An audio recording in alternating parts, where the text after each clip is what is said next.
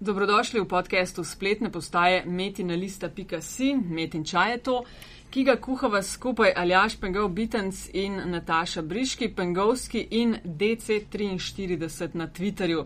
Skupaj se lotevava medijskih tem, eh, delovanja medijev, trendov na klepet, pa vabiva ljudi, ki delajo v medijih, eh, zanimive, duhovite in razmišljujoče osebe, ki vejo, kaj govorijo. A ne, Aljaš? Ja, upam, da je opis pravilen, ker če ne, ne smo nek, na neki točki močno zavozili. Eno kratko pojasnilo, čist na začetku, preden začnemo za res. Uh, kadar boste v naslovu podcasta videli kratico MD, MD stands for Meta Dekleta. Uh, kjer vas čaka Meta Dekleta, več o tem projektu Metine liste na metadekleta.metinalista.si. Zaenkrat pa in vnaprej in za nazaj. Hvala za družbo, za komentarje, všečke, retvite, downloade in ocene v iTunes. Za vsako poslano vam bomo neskončno hvaležni. Uh, Aljaš, danes super gost, uh, padla ideja v bistvu na Twitterju, svetovno ja, prvenstvo ja. nogometu, za, za res logična stvar, da je to. Danes sem, kot se temu reče, out of my comfort zone. O, to bo super, ne veš, zakaj je to super? Zaradi tega, ker so točno taka vprašanja lahko tista, ki niso, veš, ki si preveč notor v eni stvari, se ciklaš v ena in ista vprašanja. To se mi zdi ful potolažila. Ne, ne to mene ful zanima. In točno to se mi zdi, veš, podcast je tista nadgradnja, da se ne sam pogovarja, da ne veš vedno vsem o vse vsem. Vse to je out of my comfort zone, veš, ok. Je rekla, a gledaš po... fuzbal, a gledaš fuzbal. Čakaj, nek, nekaj sem ga povedal, ampak. Uh, a res, ok, oj. Čist, čist, čist, čist napačen časovni okay. pas za me. Ampak no worries imamo pod kontrolo. Finale bom gledal, ker bom šel predtem volt. Ja, to se gleda. Um, ano, bo gost povedal, kdaj je uh, tekma. Upam, da ne v polnoči po našem času. No, gost pa gospod dr. Andrej Stare, RTV Slovenija.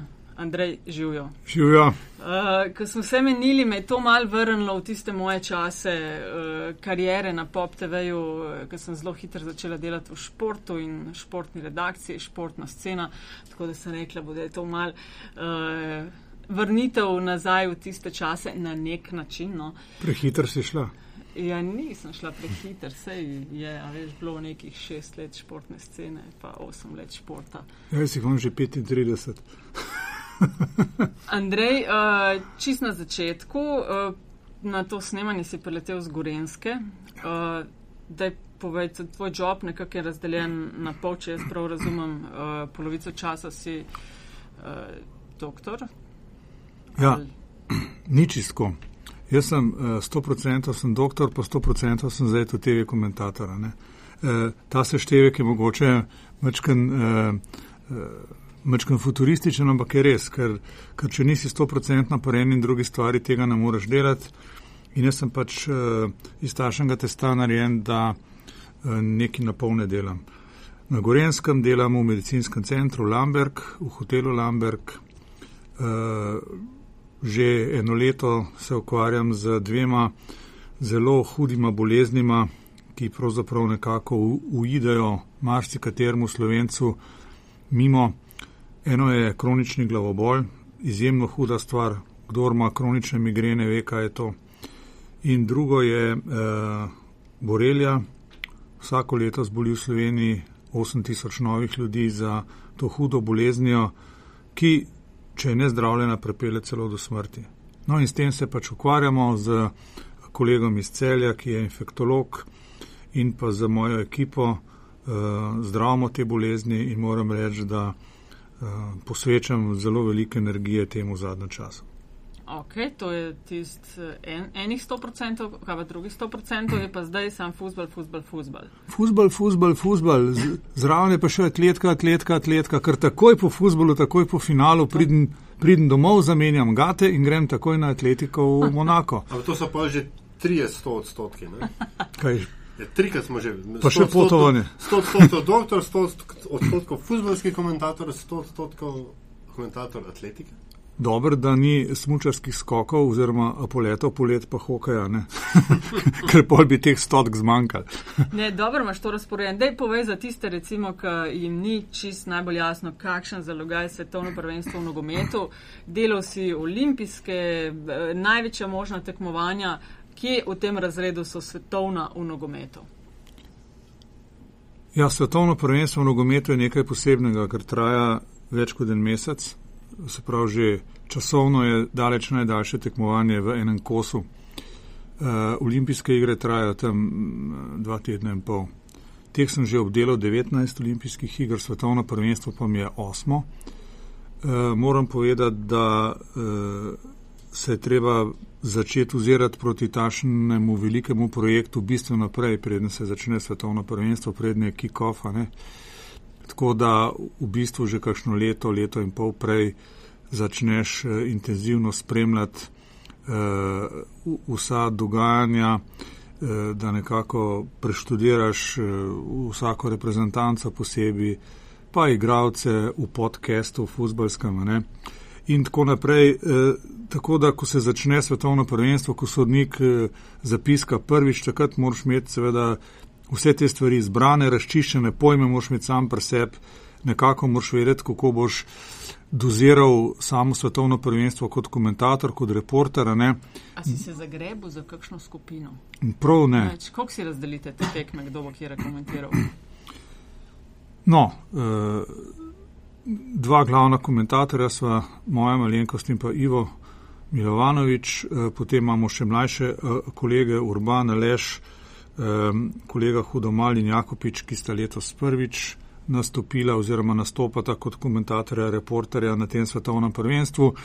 In to je čist na ključno, eh, če si na licu mesta, potem je treba pač gledati, da lahko logistično eh, slediš svojim prenosom. Eh, zame so pa čisto vse tekme enake. Ne.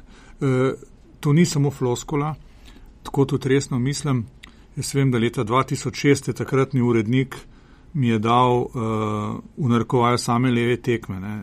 Togo, Angola in tako naprej, Koreja, ampak jaz sem naravnost užival v tem, zakaj pa ne, to, to je nogomet in to je vrhunski nogomet. Uh, in moram povedati, da z Ivo Milovanovičem dobro delava že 35 let, uh, sva tudi osebna prijatelja tako da si nekako razdeliva te glavne tekme. A, a se jaz prav spomnim, da je Ivo tebe nekako pelil v ta posel, da sem nekaj zasledil? Ja, točno članku. to je. Leta 1979, 16. junija, sem no, prišel na televizijo. Ne? Kako zvate, takrat stara? Minus dve leti. ja, ne, 79, sem bila pet let. No in, uh, ja, no in z Ivotom si bratsko razdeliva. Ne? Tako da on je delal recimo finale, ne, kot neko nadgradno enega štiriletnega obdobja eh, reporterja, on je delal finale v Južni Afriki in zdaj pač je pač finale moj v Rio de Janeiro 13. junija na dan volitev oziroma julija, ja, julija. tako da bo šel lahko na volitve. Jaz sem šel pa tudi na volitve in namreč sem volilni komisiji poslal željo, da bom volil po pošti. No, to me zanima, če si v redu, ker bi dosti kratek rok. To sem v redu, uh, dobil sem še tudi odgovor in na, na naslov stanovanja v Rio de Janeiro dobim pač. Uh, v, uh, volilni material in moram reči, da uh, sem prav zadovoljen, da sem to naredil. Pa ne, da bi, ne vem, uh, želel kakšen pomp iz tega narediti, ampak jaz grem na vse volitve in kar čutim, da moram iti in sem tudi vesel, da sem to uspel narediti. No. In tokrat volitve pridejo k tebi, ne? Tokrat pridejo pa, pa v Brazilijo volitve. No, ampak, evo, moje bukovo vprašanje. Najprej. Um, a imate športni komentatorji, ne, kakšen uh, zavestno izbran podpisni stavek. Ne, Ivo Milovanovič ne, je pač v dobrem ali v slabem znan po, po moji uri še toliko in toliko. A to je tako, kot tisti tvoj ko tednu, katerega konec držite v rokah? Ampak, temo, tizga, ne, ampak um, po čem je znan Andrej Stare, ko, ko komentira? Ja, to, bo, to boste pa poslušalci povedali. Ne? Eh, kaj največkrat jaz, eh, kakšno kombinacijo besed uporabljam. Verjetno tudi kaj. Eh, marsikaj je, je podzavestnega, kakšno kombinacijo uporabiš kot mašilo, a ne večkrat, ali pa da preskočiš iz ene na, druge, na drugo temo, da bi pozavestno uporabil po moji uri ali pa povedano drugače, kot moj prijatelj Ivo. Ne, jaz to opazim, on verjetno ne. Enkrat sem ga vprašal, rekel, ne, jaz tega sploh ne opazim. Ne. Eh, tako kot naš župan Jankovič eh, reče, ne, ne in tako naprej. Ne. Taki, ja, ja, ja. vsi smo ljudje. Ja. Iz, iz mesa in kosti narejeni. Ne. ne, moram reči, da je stvar, ki meni vedno. Ta prvič, ko sem iz stola padel, pa zdaj si dovolim te tikati, ker smo tukaj. Ne, verjetno, če bi se tako ob drugim, drugim pogoji srečala, bi. bi, bi Hvala Bogu. Ne.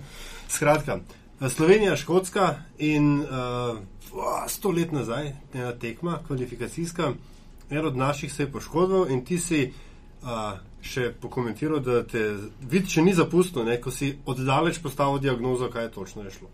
To, to, to je tako moj fan. Pač, Zelo hitro se spomnim dveh tekem uh, Jugoslavija, Škotska. Ne, ne, Slovenija, Slovenija, Škotska. Slovenija, ja, to sem pa v celju delal, 0-3 ja, smo zgubili, ume izjebili takrat, po, potem se spomnim. Ja, včasih vidiš kaj tašnega od, oddelačne eh, iz svoje stroke, pa ne moreš mim tega, da ne bi pač povedal. Ne? Tako zdaj sem prenašal tekmo Gana ZDA, mi je bilo tako jasno, da je Madem si no zlomljen, eh, da bo Altidor nehal igrati in tako naprej, ampak to so pač neke, neke izkušnje. Moram reči, da, sem, da imam tudi kar eno dolgo kariero športnega zdravnika. Uh, in uh, marsikaj vidiš, kar mogoče en navaden gledalec ne vidi. No. Se pravi, te medicinsk, medicinska izkušnja, medicinska kilometrina ti več kot samo koristi v, v komentiranju športnih dogodkov. Je neke vrste tvoj trademark. Ne? Vsako znanje, ki ga imaš, ti koristi. In če znaš koristno uporabiti, je to tista nadgradna vsakega prenosa. Kaj pa obratno? Kaj? Recimo komentatorske izkušnje, da tako rečem. Um, sposobnost uh, natančnega, hitrega, nedokočasnega podajanja informacij, ti pa še nekaj pri pacijentih? Pa še nekaj je, ne? E, ko smo še po reportiranju. Te mlajši fanti se zaenkrat še ne upajo povedati tistega, kar vejo, pa znajo. Imajo mečkan ročne. E, in jaz pravim mojim, mojim mlajšim prijateljem, ki sem jim kao neki mentor, ne, rečem, nič se ti ni treba biti enkrat, dvakrat bo mogoče neprijetno posvete, bo bojo pa ljudje navadili. In ti moraš en svoj lastno karizmo moraš zgraditi, hišo moraš narediti, drugač bo skozi tam neki mlačen, eh, neprepoznaven. Ne? Ko si me pa vprašal, kako pa pacijenti gledajo, ja, eh, različno, ampak moram reči, da, da, da imam kar dobre izkušnje z ljudmi in da, eh, z, da, da z veliko mero pozitivne tolerance mene spremijo kot zdravnika, ko me rabijo, ne, in pod B kot TV komentatorja. Vem pa, da enkrat, enkrat poravno to, da eden ni izdahnil, ko sem bil zdravnik na urgenci, pa, pa sem hodil v obiski na domu ne, in smo hodili k tem hudim pacijentom, astmatikom in injekcije, da je to žilo, ker niso mogli dihati. In jaz sem pa popovdne sem en komentar posnel in potem sem temu gospodu dajal pač injekcijo, televizor je bil pač odprt ne, in tako injekcijo se daje 15 minut. In takrat se jaz pojavim na ekranu in jaz mislim, da, da bomo žakarja, adijo, da bom sam še mrliški vgled naredil. Ja. Te prepoznavajo redno, ne predvidevam. Ja. Zdaj verjetno morate tudi pokomentirati, kaj je kakšna tekma. Ja. Ne? Me prepoznajo in moram reči, da mi to godi. Uh, z vsakim človekom se pogovorim, če je spodobna, ne? Če me nekam pošilja, potem se seveda jaz z, z takim človekom.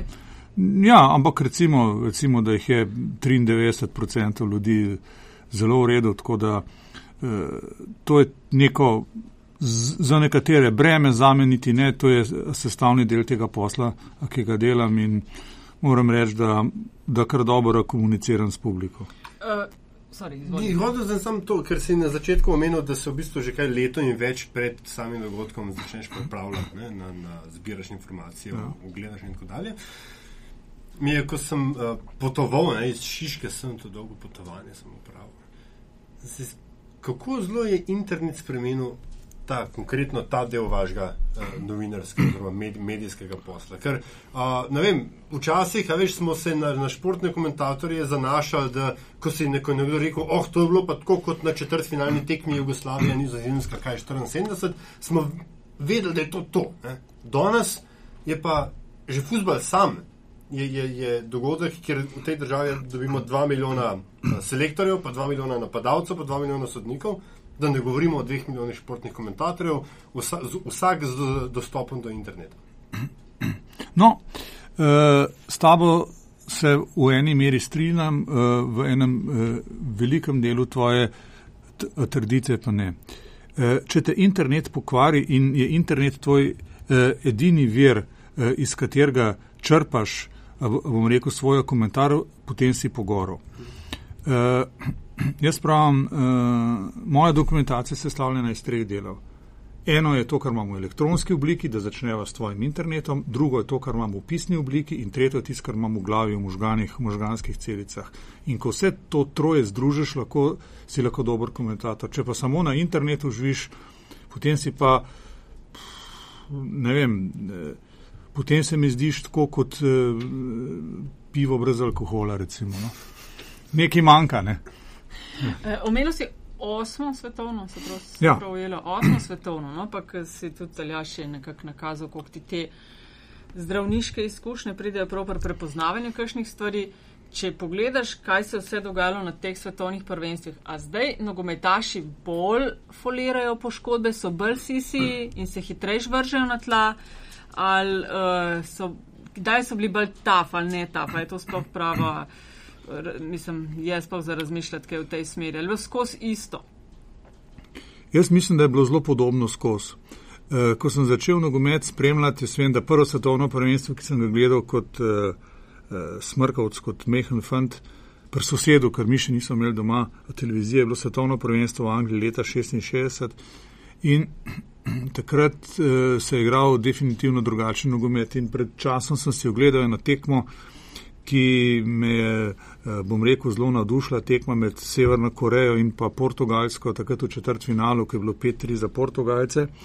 E, igral se je definitivno popolnoma drugačen nogomet, pristop igralcev do igre je bil popolnoma drugačen, bistveno manj je bilo težkih prekrškov, ampak te težki prekrški so danes posledica te nogometne igre. Ne. Če smo letos je bil dobršen del nogometne publike navdušen nad Atletico Madrid, Atletico Madrid igra nek južnoameriški nogomet, argentinski, zelo ošter. Uh, igravci stojijo blizu nasprotnika, vsak štart je praktično na robu rumenega, a kartona je danes to trend v nogometu. Pred tremi leti je, je bil trend Barcelona, lepa igra, tek, tek, tek, tek, tek je žoga tekla, danes to ne gre več, to je Barcelona danes pokazala. Danes so neki drugi trendi in, in to se spreminja skozi pač nogometno obdobje. Kar se pa tiče teh prekrškov, je pa tako. Jaz mislim, da je Eh, močnih prekrškov, ne, hujših prekrškov tokrat več kot je in zato tudi več hujših poškodb.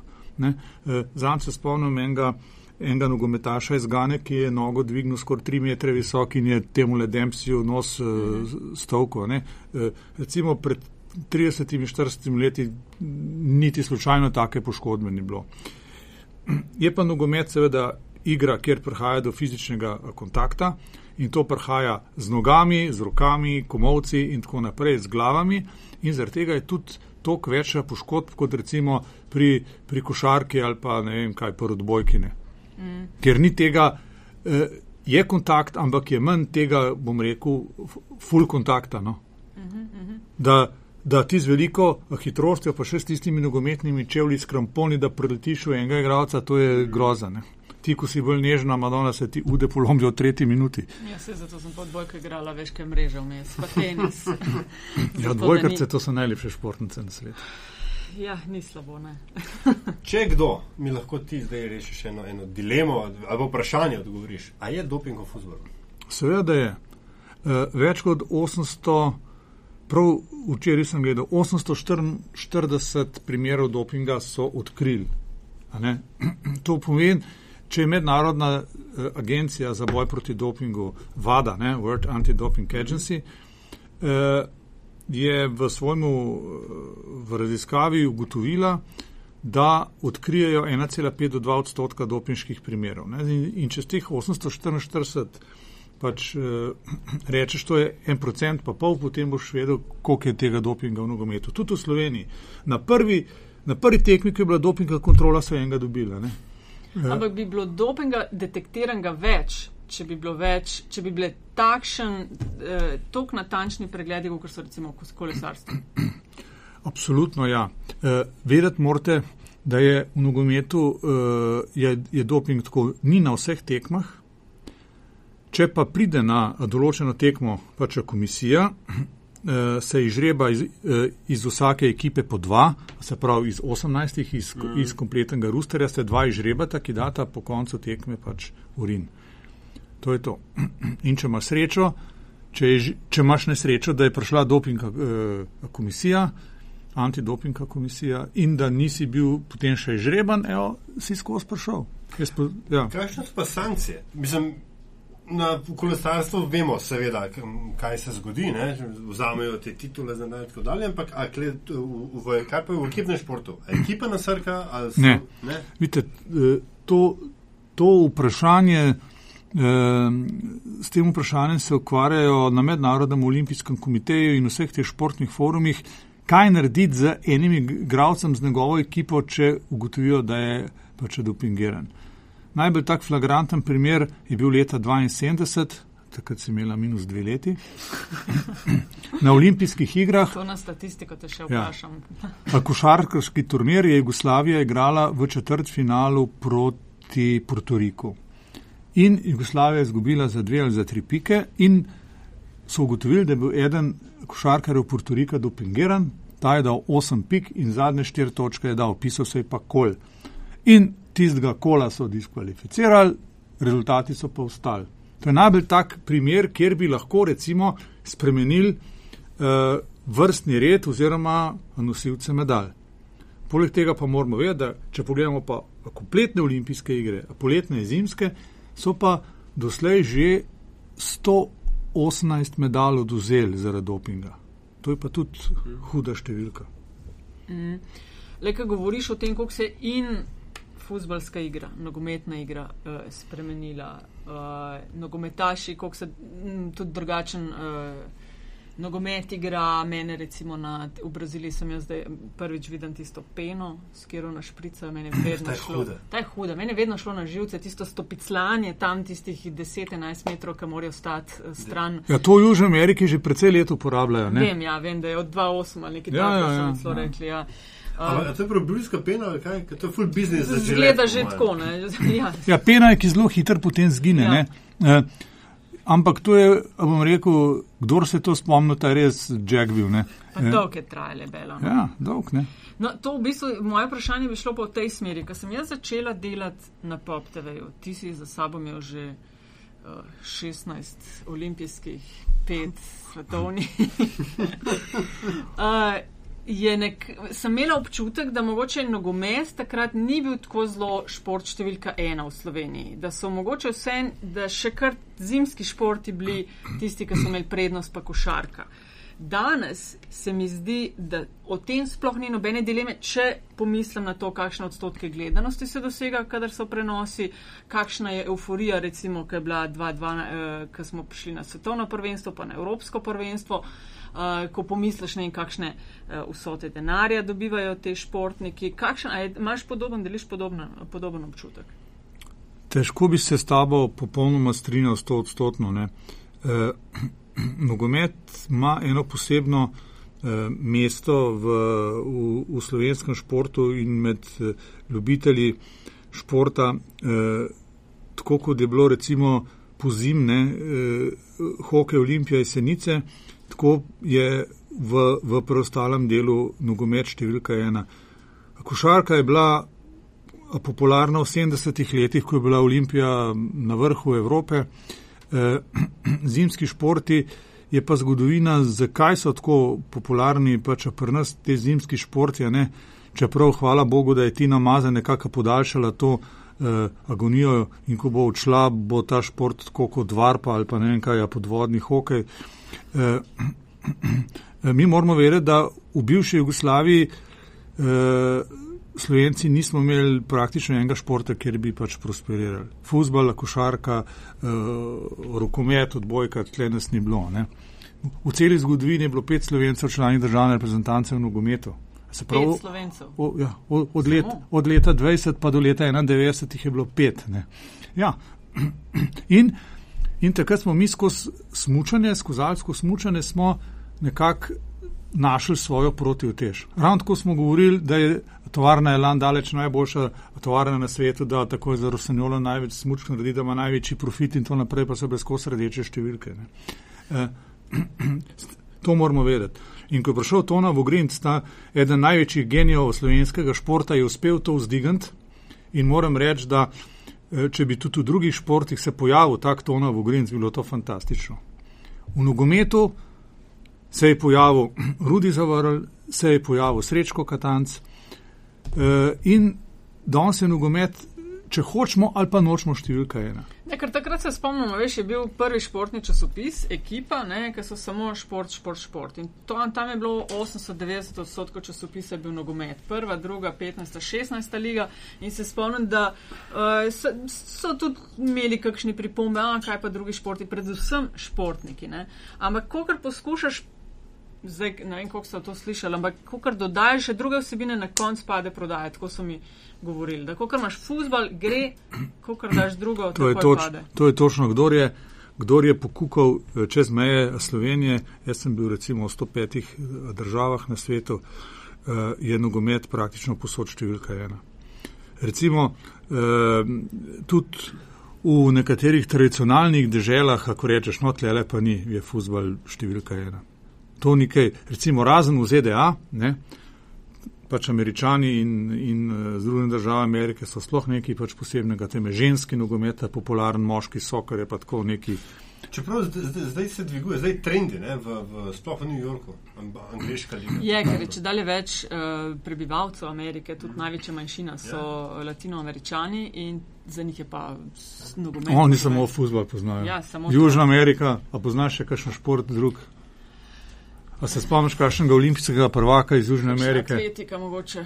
No, kakšna atletika. Tenisač, kakšen je prišel. No, jaz se ja. spomnim, da je bil uh, v veslanju v Skifu en Argentinc nekoč olimpijski prvak, ampak to so take, take drobtince, tako da bi recimo, ne vem, eden iz Grenlandije zmagal teko na 100 metrov, ne, nekoč nekje. Rače pa nogomet. Ne, mm. ne nogomet je, ja. Um, tole mogoče, če, uh, ta, ti si tako zelo na nek način poseben pri tem, kar delaš, kar si prej razlagal, da mlajšim kolegom govoriš, da morajo najti eno svojo, svojo nišo. Kdo je bil tisti, a si ti imel kakšnega, ki si ga gledal, pa se ti je zdel blizu temu, kar bi ti rad bil? Veš, ko ti imaš neko svojo linijo in to je super dobro, ker vnašaš te neke svoje emocije. Poveš, eh, ne vem, te iskrive komentarje, primerjave, ki ti padajo. Veš, to je tisto, kar obogati prenose, ki čakaš, kva bo stare rekel. ja, moje mišljenje je, da mora biti prenos informativen, strokoven in zabaven. To je moje izhodišče.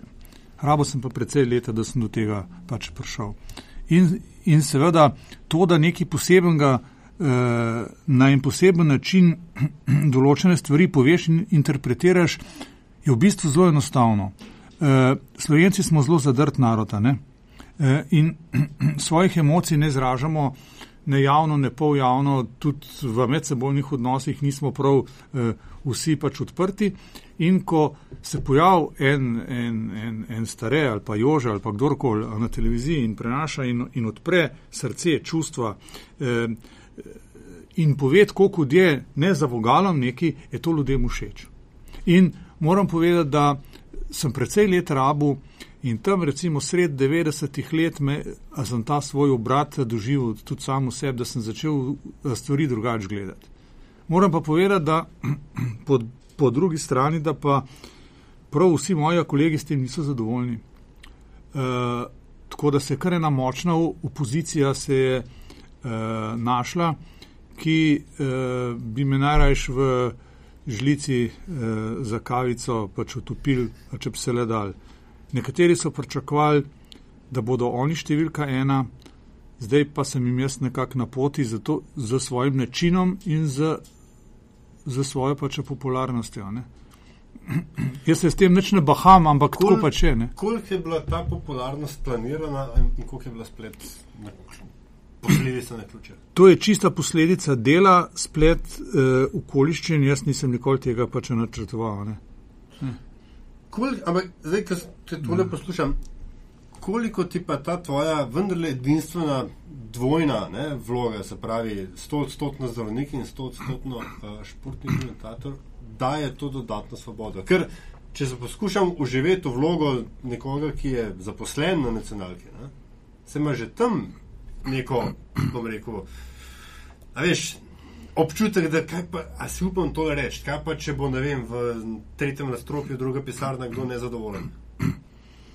Ja, eh, dokler imaš te oblake nad seboj, potem si drugo ali pa tretje razreden televizijski komentator v Sloveniji.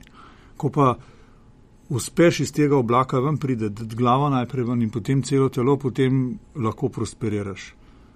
Ni enostavno biti televizijski komentator, najlažje je delati neke, neke športne dogodke, prenašati, kjer naši športniki dosegajo velike uspehe. To je najlažje. Najtežji prenos za me, in to sem že tudi enkrat nekje rekel, je ena slaba futbalska tekma. Jaz se spomnim, ko smo delali še vsako soboto Jugo Ligo, recimo radnički budučnost 0-0, ko se nič ne dogaja, dveh podajni, katastrofa, ti povem. Katastrofa. Ta radnički ima ful posrečeno ime. Ja. Kadar se fuzbal se kvajo v radnički igral. Ja, pa, pa, pa ja. čelik, veš. Čelik. Ja, je. Zašto čelik izpoj iz prve lige? Ja. Vse to so bile neke frke še tam konc juga razpada. Uh, krasno, krasno, afera Šajber pa to. Takrat, so, takrat je ta jugomafija nogometna delala po svoje. To mi je enkrat, če ti lahko tale što spovem. Ne, ne. En moj tudi oseben prijatelj, potem eden izmed najbolj eminentnih slovenskih pravnikov, je bil izvoljen za člana predsedstva Nogometne zveze Jugoslavije in Slovenije. Ne. In mi je pravil, je pa tak načelen človek, bom rekel res, poštenakar.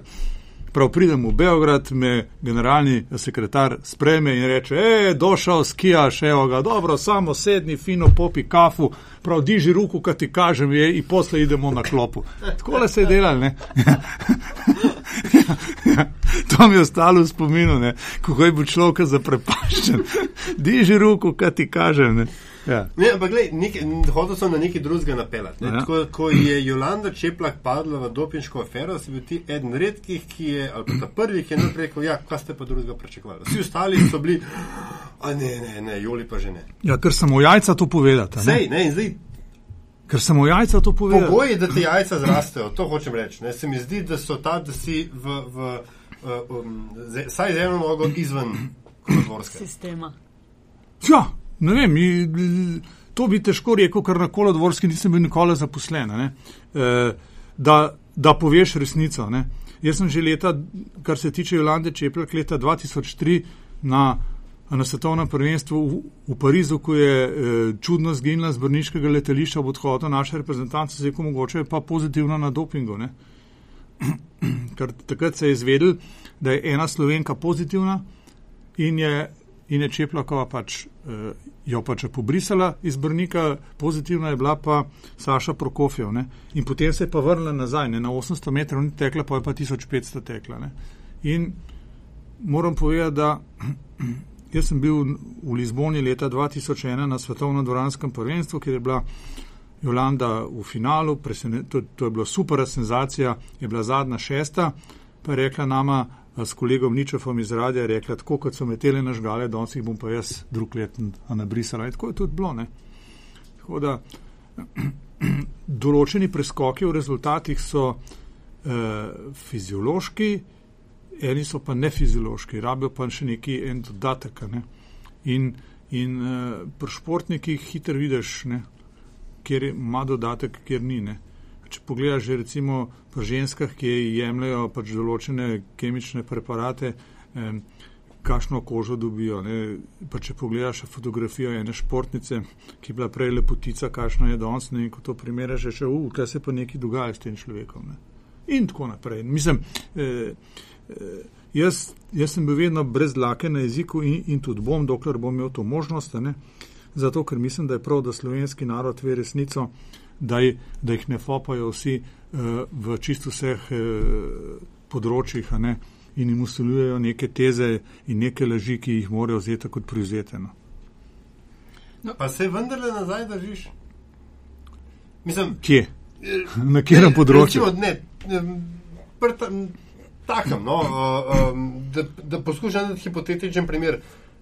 Tep kot, kot uh, uh, zdravniku vidiš indice, ne? ampak da sem, zdaj, da sem v, v, v, v, v času, v duhu časa. V duhu časa, ne? a bi si upal dati indično sodbo Ne, naprej ne bi. Ne, Aha. jaz mojim kolegom, ki sem jim nekakšen mentor, rečem takole: počakaj, da se nekaj zgodi, pol bo frajer, pol komentiraj. Ne naprej neki pripovedati, kaj se bo zgodil. Ko boš se rekel, od, od desetkrat boš enajstkrat padel na tem prenosu, če boš ti napovedoval, kaj se bo zgodil. Šport je takšna stvar, da nikoli ne veš, kaj se bo zgodil. In futbol je zato tako popularen, ker lahko vsak vsakega premaga.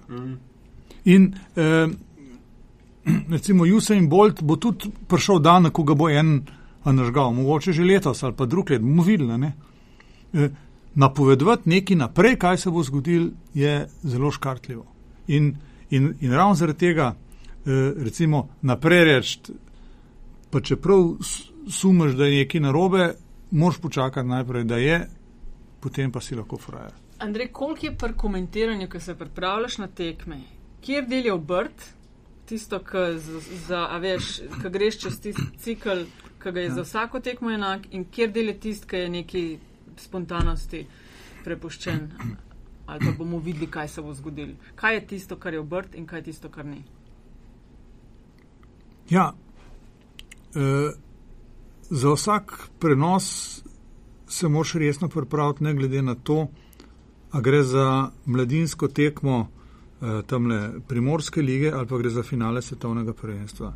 Moja odločitev, ki sem jo jaz sprejel sam pri sebi, je, da so za me vsi prenosi enak pomembni.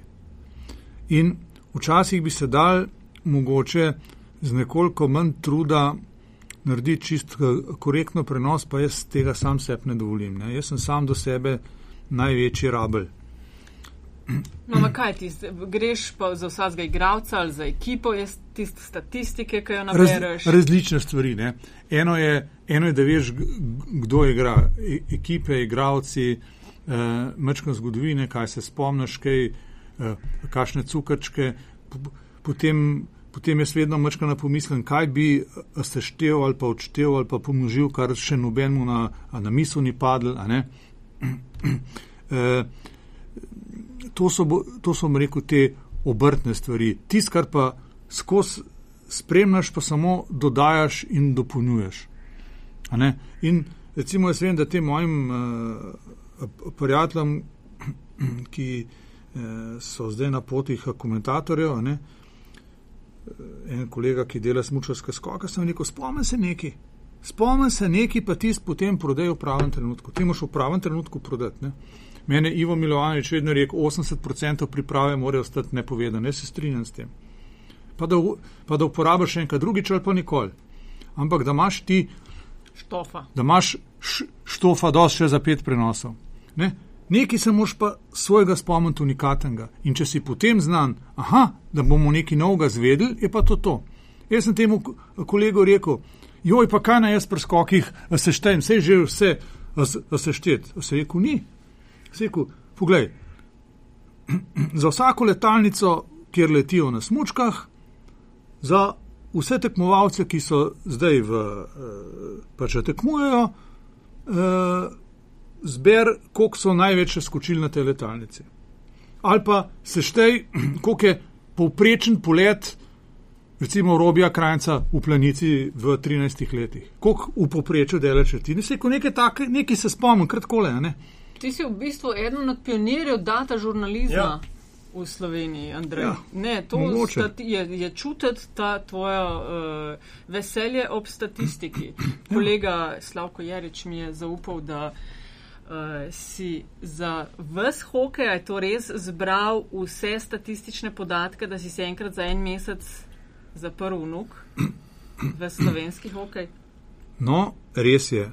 Le, eh, poleti leta 90 in 91, se pravi, šlo je za dve, dve poleti, sem bil dva meseca v Nuku in sem pregledal vse časopise, odkadar izhajajo v Sloveniji. In sem iskal podatke za nogomet, za hokej, za atletiko in tudi za smučarske skoke. In potem sem to jaz vse uredil, seštev, odštev, zmnožil, uredil.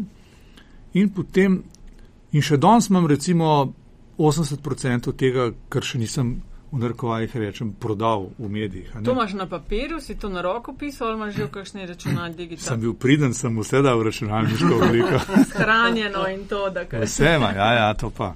To imam shranjeno in na ključku 32 giga imam to na dveh mestih še spravljeno, ne, tako da jaz pravim, fiksna statistika, pa hitro menjujoča statistika in tisto fiksno imam spravljeno, tako da en, enkrat so mi že raz, računalniki iz hotelske sobe plunili, tako da. A res? Ampak sem imel ključek. Zvici.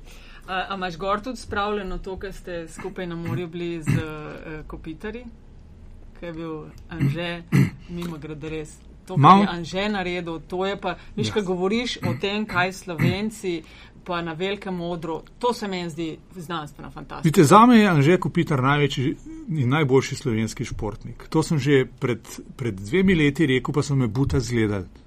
Ne? Za me je on naj, najboljši slovenski športnik. Kot igralec in kot osebnost in kot človek. E, in zato je on v Ameriki tako izjemno cenjen.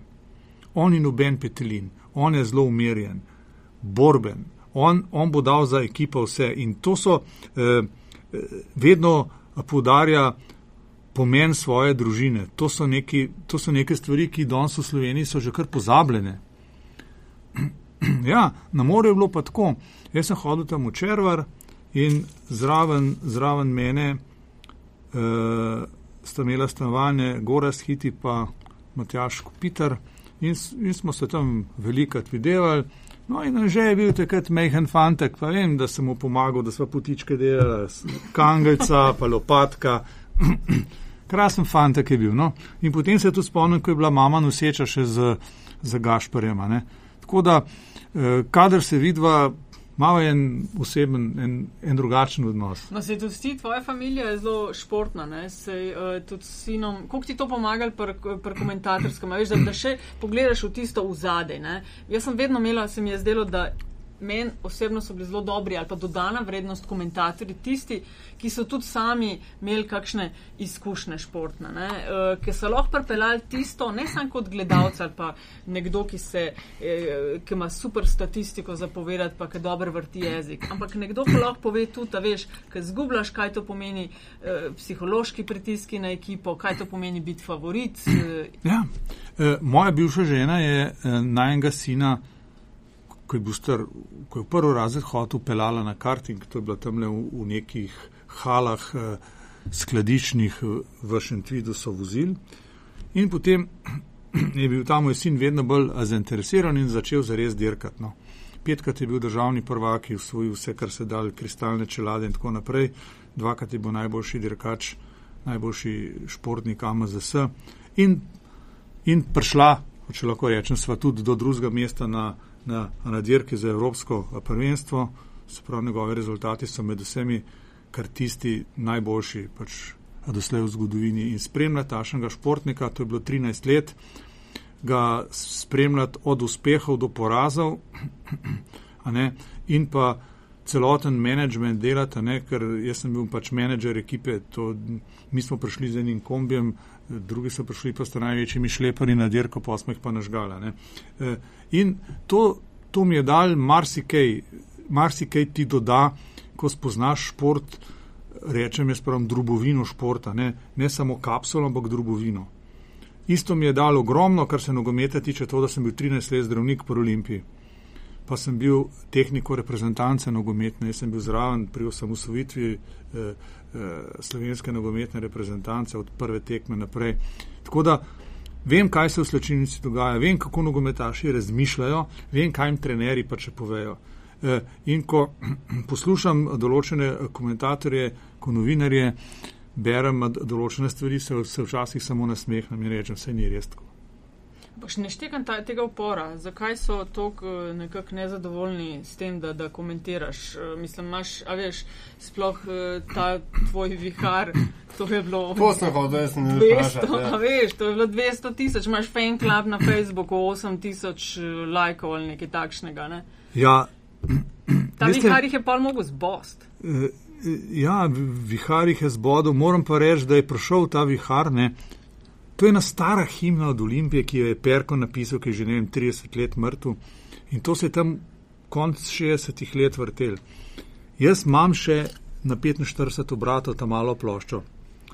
In tudi eh, takrat je še brane oblak pri Olimpiji igral, ampak, ampak ni bil še ta glavni igralec, je bil tam. Je bil Rudi Corn, je bil le, levo krilo, oblak je bil pa drugo levo krilo, se dobro spomnim kako mi je pravzaprav prišlo pri tistem golu od Muršaka, jaz niti ne vem, ampak to je prišlo ven iz mene.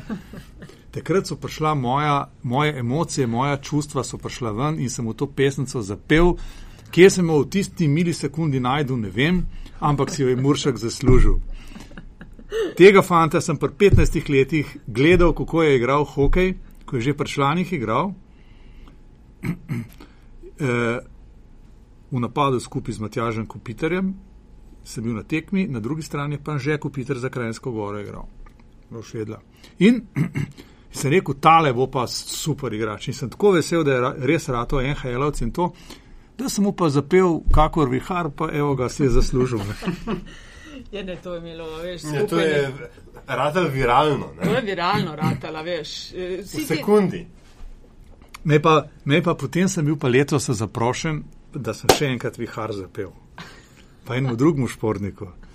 Me pa deklica od Petra Prevca v Harohovu je rekla, joj, prav, vse se ti Petr ne upa reči, ravno tako te medalje v poletih dubu. Se je rekel, počakaj, sam da je se eno besedilo, se spomnim in sem mu zapel na tisti proslavi medalje v Harahovu v hotelu Sklar, sem mu zapel pa še njemu viharno, tako da veš. A veš, kakšen car si ti, Andrej? A veš, kako je to dobro poslušati? Meni ena še ne gre iz glave, ker si jo prijavil enkrat. Da sodnik ne vidi, pa z kurimi očesi še. Ne, ne, drugače je bilo. Ne, no, se je rekel, no, sodnike pa zamižal na obe očesi in tudi na kurje, če ga ima. Ampak to mi je tudi. To si jaz naprej ne preplanjam, take stvari. To iz mene pride. Ne, to je tisto, kar ni, kar ni obrtni del. Tako, tega se ne da naučiti. Ne. Pet povej, fakultet ne, ne bi pomagalo. Povej še to, kaj Aljaš, ti si vmes mal namignil na to. Uh, Fusbal je, poleg verjeten medijev, pa na Ameriko se tu vsi spoznamo, pa ja, še ja, na kaj ne. Je sigurno fusbal, sploh pa vsaka prvenstva, vsi vse vemo. Koga, sme, koga smeno, tako bi mogel udariti, tako bi mogel streljati. Uh, kva to komentira? Imaš veliko pravka s tem, kakšna pisma, maili. Ja, tega, tega je kar precej. E,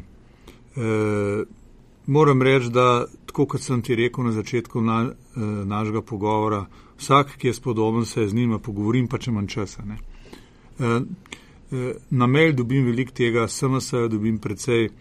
E, tako da e, moram povedati, da ta gostilniški ki pogled na šport, predvsem pa na nogomet, je nekaj neverjetnega. Ne? Ne?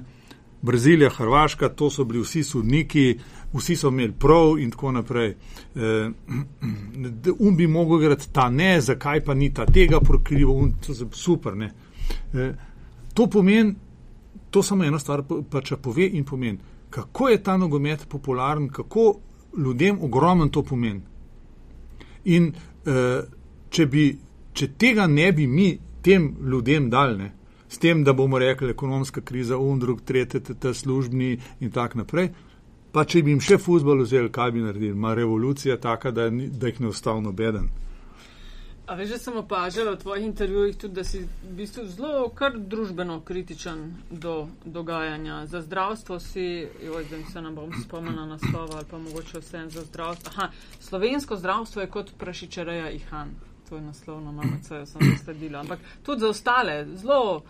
Ja, jaz sem kritičen. E, jaz razmišljam o določenih stvareh.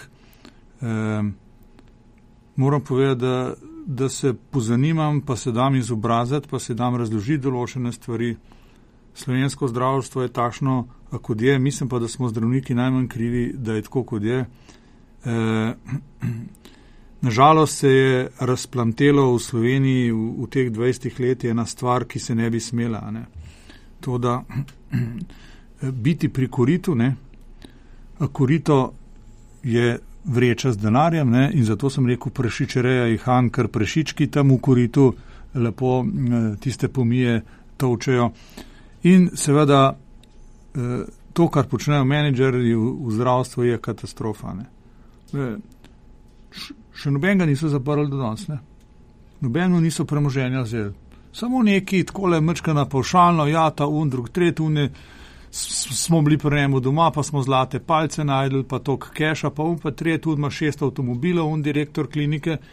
Nihče ni še nobenega uječo pahno v temnico, pa mu dal samo vodo, pa skorjo serja za jest, noben mu ni denarja, pobral ništa. Ja, to je to. Ne? Ker tisti, ki omogočajo, pač o tem odločajo. Ne? Je to podobno kot pri športu? Ker v hipu, ko je dovolj denarja in dovolj interesa v igri, ne, kar naenkrat določene stvari ratajo spremljive, zato da ekosistema nihče ne bi preveč ruknil. Ja, to si zelo lepo pač povedal, zelo raz, uh, za razmišljati istočnico, mogoče za, kaž, za kakšno drugo pač priložnost. Ja, bi se strinjal. Ne? Ko, je, ko je neka akulminacija, predvsem na slovenskem prostoru, takrat se lahko počne karkoli. Ko pa se elementi eh, krivulje na vzdola pojavijo, ne, takrat še nekaj časa gre, potem pa, ko pade, se pa podgane razbežijo, mm. tako kot na Santa Mariji od Krištofa Kolumba. Podgane so poskakale v vodo in zdaj jih ni več, uniki so pa gor, ki so pa ne krivi, ne dolžni, so pa pač potonili in pomrli. Ne. To je to. Kaj, pa smo s podganami, kot je že. Pemo v Brazilijo na sonce nazaj. Kdo bo? 13.7 bom prenašal finale in po koncu tekme posebej zate povem, kdo je svetovni prvak. Okay, ne, za volico sem sprašal, hecam se. Ja, za volico. Ne, ne, ne, hecam se. Ne, ne. To, to ne smeš povedati, za koga navijaš, ali pa še take finte. To se ne spodob za komentatorja. No, tega kosa kruha ti ne dam, okay, ne povem. Ne? Imam pa tudi jaz zelo svoje močne emocije in čustva. Vse bomo vse slišali. Vse uh, ti bo šlo. Ja, imam to pleničko na sebi, da mi ne bo šlo. Evo, ne vem, da tekmovanje. A bomo ugotovili, za koga navija Andrej Stare, do 13.7. Ok, zmenen. Ok, 13. pa poveš. Ampak pa moraš pa vmes se zadržati, ne smeš vmes. Ne, ne, 13. moraš na Twitter povedati. Pa tudi, če je to tvoj edini med, tweet. Med po, po koncu Twitter, med prenosom. Po koncu tekme bom Natašo poklical in bom povedal. Ok, zmenen. Uh, Andrej, kdaj še greš v Brazilijo? Uh, zdaj si še. Uh, 27. greva z Ivom uh, v Brazilijo. Ti mlajši kolegi, ki so zdaj delali tekme iz prizorišča, se vračajo domov, mi dva greja pa na zaključek, se pravi na razigravanje, kot se reče, ja. na izpadanje. Tako da To je to. No, fino, dobre, eh, dobra komentiranja in klele, še dokler si v Sloveniji, vem, da imaš blazno naporen ritem in vse dobro v Braziliji. Zdaj pa, Andrej, te podcaste mi eh, nekako končujemo z zanimivostmi, gostje povejo kaj takšnega, kar, kar eh, je povezano z njihovim poslom ali neka zanimivost, ki jo ne ve širša publika, tako v stilu Tell me something I don't know. Meni se zdi, da bi itak danes cel podcast lahko imeli ja, sam ene zanimivosti, tako da, uh, lej. No, ena taka stvar, uh, ki se mi je zgodila, letos sem prišel iz olimpijskih iger iz Sočija, nikogar nisem pričakoval, razen svoje zaročenke na letališču. In je prišla, je bila tam ena gospa, starejša gospa, me je objela in je rekla prav, jaz vas obožujem, jaz vam bi dala vse, kar imam, da vas bi lahko še poslušala. Prav, tudi svojo protezo vam dam, če hočete. Res, evo. Zobno protezo mi je ponudila. No, kaj si na to odgovoril? Rekel sem, da zaenkrat imam še čisto vse svoje zobe, da jih redno vzdržujem, če pa slučajno bom, bom rabu, uh, se bom pa v glasu, pa vem, kje je. Andrej, najlepša hvala. Prosim. Ne, hvala, hvala, super. e, najlepša hvala, ker si bil naš gost. Hvala lepa tudi vama za vabilo. Uh, spoštovani in spoštovane, če ste uživali in more biti tudi kaj novega. Izvedeli o poslušanju podcasta Met in Čaj bomo res veseli vaših tweetov, všečkov, downloadov in šerov, komentarji in predlogi, kako bi bili lahko še boljši dobrodošli na infoafnametinalista.si.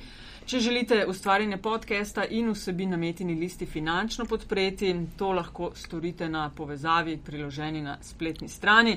Prisegamo, da z vašimi investicijami ne bomo financirali pornografskih kanalov, ne bomo se šli tajkunskega odkupa metine liste in tudi ne razmišljamo o prevzemu RTV-ja. Hvala.